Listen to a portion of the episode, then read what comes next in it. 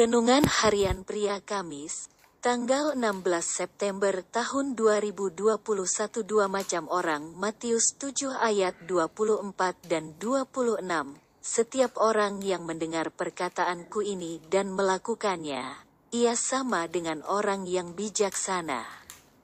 Yang mendirikan rumahnya di atas batu. Tetapi setiap orang yang mendengar perkataanku ini dan tidak melakukannya, ia sama dengan orang yang bodoh, yang mendirikan rumahnya di atas pasir. Yesus menutup pengajarannya, khotbah di bukit, di Matius 7 ayat 24 sampai 27, yang dapat kita simpulkan bahwa ada dua macam orang di dunia ini. Yang pertama adalah orang yang bijaksana yang mendirikan rumahnya di atas batu, dan orang yang kedua adalah orang yang mendirikan rumahnya di atas pasir. Mereka berdua, baik orang yang bijaksana maupun orang yang bodoh, sama-sama membangun atau mendirikan rumahnya. Kata-kata "mendirikan rumahnya" dapat mempunyai arti, yaitu mendirikan atau membangun kehidupan pribadi, keluarga, pekerjaan dan pelayanan serta yang lainnya.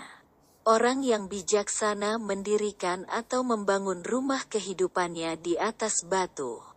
Sedangkan orang yang bodoh mendirikan atau membangun rumah kehidupannya di atas pasir. Mengapa yang membangun rumahnya di atas batu disebut orang yang bijaksana? Dan mengapa orang yang mendirikan rumahnya di atas pasir disebut sebagai orang yang bodoh? Kita akan mendapatkan jawabannya ketika kita menyelidiki pondasi batu dan pondasi pasir. Pondasi batu adalah suatu pondasi yang kuat dan kokoh. Karena pondasinya kuat, maka rumahnya akan tetap kuat dan kokoh.